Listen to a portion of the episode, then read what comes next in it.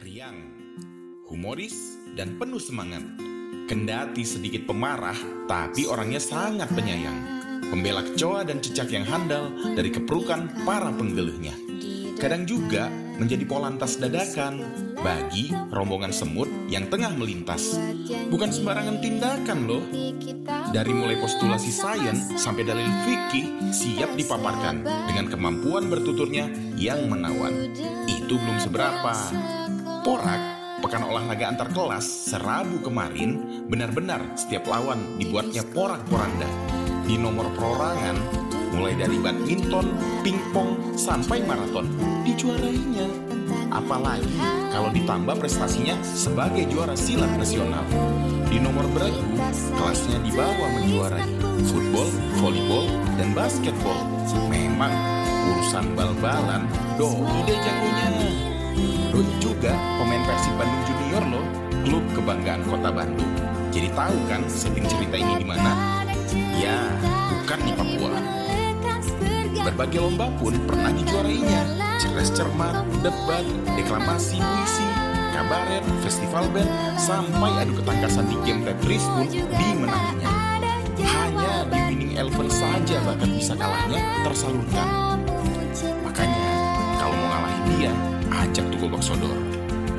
Dalam berorganisasi, selain anggota Majelis Permusyawaratan Kelas, semodel MPR tingkat sekolah atau yang disebut MPK, di luar aktif pula dia di Pelajar Islam Indonesia. Hmm, sosok politisi.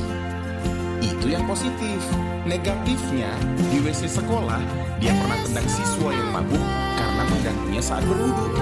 Geng pembuat onar di sekolahnya dihajarnya satu persatu dengan membayangkan diri sebagai Faisal Wong saat menghajar para perompak dan perampok sambil menggunakan lagu Eikia. Harusnya kan kungfu master. Ya sudah, di stasiun Bandung, dia pukul preman yang tengah menghardik dan memainkan ibu-ibu pengemis. Dan ini yang agak memalukan. Masa berantem untuk mendapatkan gadis tercantik di sekolahnya? Tepatnya membela sih, tapi gara-gara dia membela, jadian deh dengan hmm, di luar yang negatif, juara banget ya doi. Itulah dia, sama dicintai adik kelas karena sering ngasih les masal gratis dan juga membela mereka dari penindasan kakak kelas yang baru. Tapi disebelin oleh teman sekelas karena pelit sih ngasih contekan saat ujian. Gak penting itu semua katanya.